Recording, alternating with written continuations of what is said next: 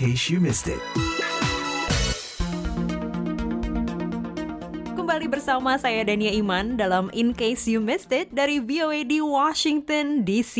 Berawal dari sebuah proyek yang diusung oleh Organisasi Perhimpunan Pelajar Indonesia atau PPI untuk membantu mencarikan tempat tinggal bagi para pelajar dan wisatawan yang ingin berlibur ke Paris, lahirlah Kamar Pelajar yang kini menjadi sebuah marketplace atau loka pasar akomodasi yang menguntungkan dari dan untuk warga Indonesia. Nah, untuk lebih jauh seputar hal ini, bersama saya sudah ada Satu Cahaya Langit, CEO Kamar Pelajar yang juga adalah mahasiswa S2 jurusan Ilmu Komputer di Stockholm, Swedia. Langsung aja kita sapa. Halo Satu, apa kabar? Halo Dania, sehat-sehat. Alhamdulillah baik. Terima kasih sekali nih ya atas waktunya untuk VOA kali ini. Nah, mungkin Satu bisa bercerita ya mengenai kegiatannya saat ini di Stockholm, Swedia. Aku di sini masih mahasiswa, ambil S2 Computer Science, tapi aku sekalian kerja juga sebagai engineer IT di suatu Mhm. fintech lokal di sini di Swedia. Oh, oke. Kuliah di mana sekarang ini? S2 Computer Science jurusannya di KTH Royal Institute of Technology. Itu kalau di Indonesia semacam ITB-nya gitu. Baik, dan udah berapa lama nih Satu tinggal di Swedia? Aku dari 2015 ke sini, tapi ke 2018 itu istriku hamil, terus aku kayak, wah ya udah kita cuti dulu deh gitu. Padahal tinggal satu semester, jadi aku cuti dulu waktu itu. Sampai sekarang masih cuti. Nanti kayaknya kalau udah lebih gede dikit, anaknya baru mau beresin satu semester lagi itu.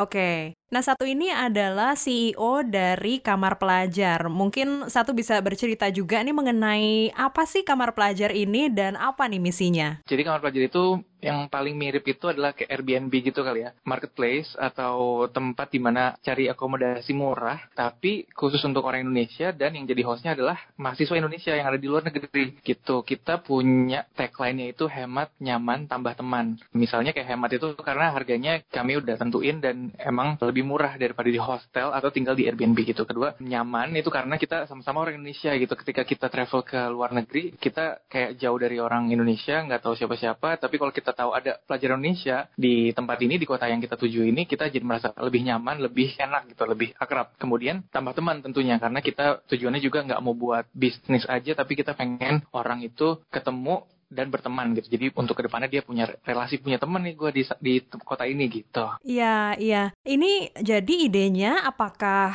dari satu yang mendirikan atau ada teman-teman lain nih yang juga ikut mendirikan Kamar Pelajar ini? Sebenarnya mungkin Dani tahu sama PPI ya, Persatuan Pelajar Indonesia. Iya. Ide awalnya itu di Paris, di Perancis karena Paris itu kan banyak sekali wisatawan dari Indonesia, banyak juga Hmm. pelajar Indonesia dari sana. Ketika mereka tahu ada dua party itu, kemudian mereka mencoba mencocokkan gitu, matchmaking. Jadi siapa aja nih teman-teman kita yang bisa jadi host, terus ketika ada tamu hubungin PPI-nya, terus bisa dimasukin ke situ. Itu ide awalnya tahun 2016-an kalau aku nggak salah. Eh, Aku belum terlibat waktu itu aku mulai masuk 2018 dari PPI Paris naik ke PPI yang lebih tinggi lagi Amerika Eropa. Terus aku mulai join di situ 2018. Terus ketika aku melihat ada potensi yang besar banget dan aku nggak mau ini cuma jadi project mahasiswa aja yang nggak ada keuntungannya. Jadi aku pikir ini bagus untuk dijadiin kayak startup gitu. Jadi mulai 2019 jadi aku memutuskan kayak ini kita bawa keluar dari PPI supaya kita bisa ke profit arahnya, tapi kita tetap pengen memberi keuntungan menjadi roda ekonomi PPI dan mahasiswa Indonesia yang ada di luar negeri. Itu salah satu misinya kawan pelajar. Baik, jadi memang kebanyakan yang menjadi tuan rumah atau yang membuka kamar ini adalah pelajar atau mahasiswa Indonesia yang di luar negeri ya? Yes, sekarang ini produknya cuma di limit mahasiswa Indonesia sebagai hostnya gitu. Tapi ke depannya sih kita punya beberapa produk lagi yang udah kita rencanain. Tapi kalau tamunya sendiri jadi ada wisatawan juga ya selain pelajar Indonesia gitu maksudnya? Iya betul. Tamunya justru awalnya berasal dari wisatawan secara umum bukan cuma pelajar aja. Tapi tentunya dari Hmm. dari, dari wisatawan itu ya nggak semua dari Indonesia, tapi ada juga yang apalagi mahasiswa yang biasanya di satu negara di Eropa dia mau ke, ke negara Eropa lainnya karena deket kan. Wah ini menarik banget ya, maksudnya jadi sebagai mahasiswa yang sedang kuliah di luar negeri, ini mereka nggak hanya mendapatkan pengalaman belajar di luar negeri aja, tapi mereka juga punya peluang atau kesempatan untuk ke kota-kota lain dengan istilahnya ya ada kamar pelajar yang biayanya mungkin eh, lebih hemat jika dibandingkan dengan yang lain gitu ya. Ditambah lagi juga akhirnya bisa berkenalan dengan mahasiswa Indonesia yang lain tentunya nih. Iya, itu benefitnya sih di dua arah itu sih. Kalau untuk wisatawan tentunya mereka jadi dapat penginapan yang lebih murah gitu misalnya. Udah gitu mereka dapat experience yang lebih beda daripada mereka tinggal di hotel, di hostel gitu kan. Kalau buat hostnya sendiri sih dia tentunya ada sedikit uang tambahan gitu ya untuk penghasilan dia. Tapi yang lebih dari itu adalah dia ada relasi baru. Contohnya sih aku punya satu cerita dari tiba-tiba aku dapat message WhatsApp gitu dari salah satu host yang ada di Amsterdam. Dia bilang, Kak makasih banget ya udah bikin kamar pelajar ini. Aku lagi winter, musim ujian, lagi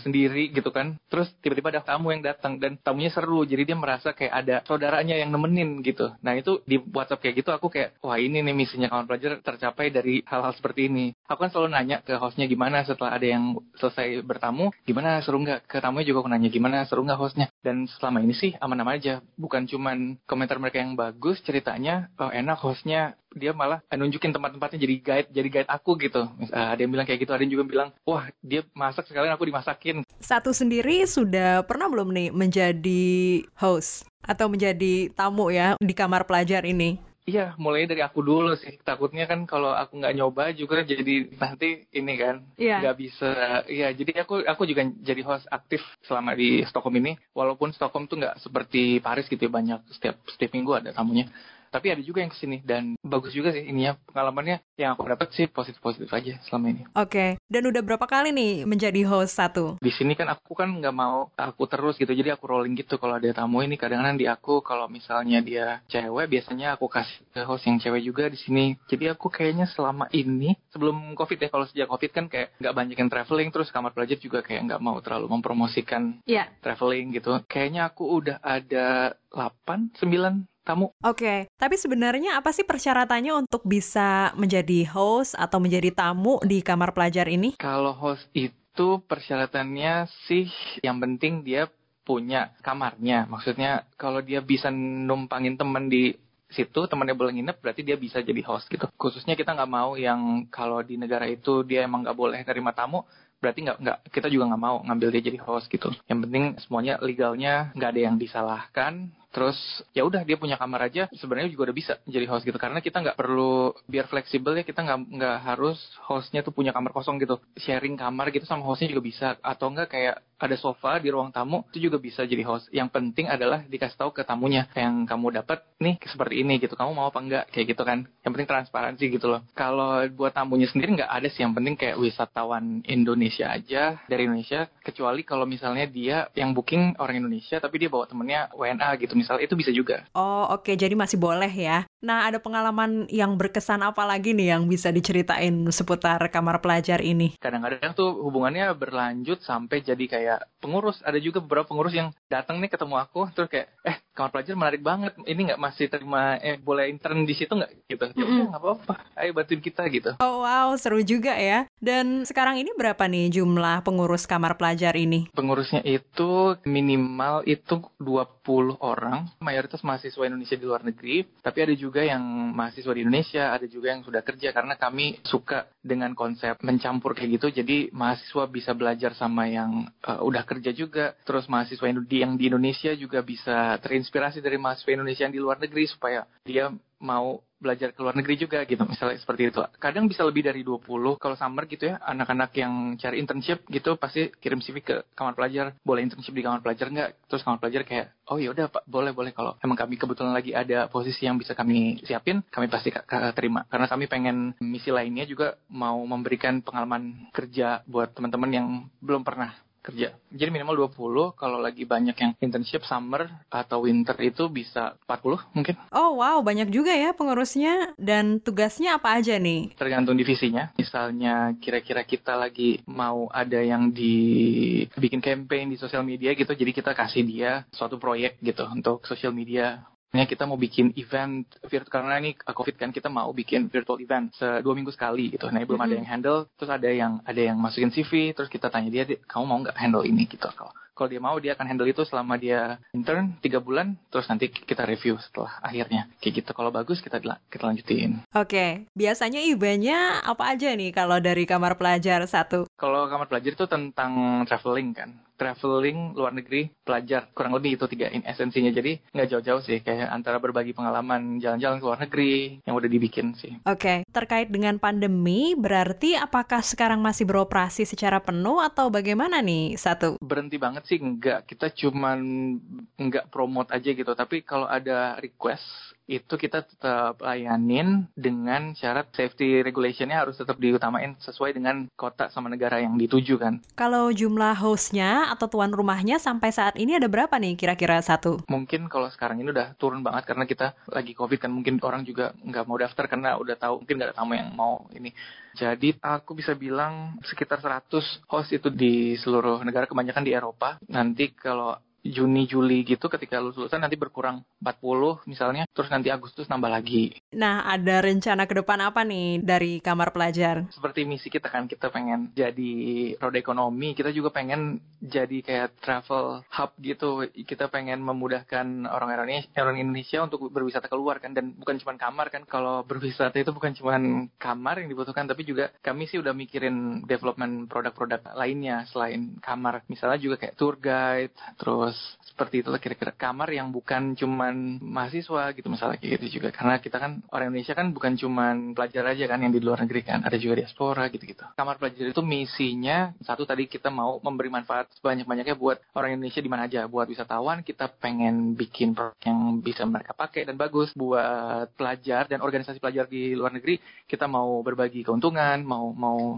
sama-sama berbagi hasil lah gitu. Dan manfaat juga dan tentunya itu berarti bukan cuman ngomongin tentang manfaat kamar lebih murah, produk uh, tour guide-nya lebih murah, tapi kamar pelajar juga bisa teman-teman mahasiswa pakai untuk cari pengalaman. Kayak tadi aku juga bilang, kalau sebentar lagi lulus nih misalnya, tapi belum punya pengalaman internship atau pengalaman kerja dan mau merasakan gimana sih kerja di startup, environmentnya, cara kerjanya, kami pengen bisa bantu di bagian itu. Karena kami kan juga berawalnya dari proyek PPI kan, dan proyek PPI itu kan orang ber, ber, belajar berorganisasi, dan ini kita mau bikin kayak gitu juga. Siapa aja bisa coba belajar berorganisasi dan bekerja. Baik. Nah, kalau ada teman-teman nih yang ingin tahu lebih banyak mengenai kamar pelajar, bisa lihat di mana nih satu? Website kita kamarpelajar.com itu bisa jadikan sumber informasi. Kalau terkait sama yang pekerjaan, related sama pekerjaan, kalau mau kirim CV atau apa itu di LinkedIn juga ada kamar pelajar namanya. Baik, satu cahaya langit. Terima kasih sekali nih atas obrolannya kali ini dengan Vio Indonesia. Semoga sukses selalu ya dengan studi dan juga kamar pelajarnya. Terima kasih banyak juga Dania ya dan VOA.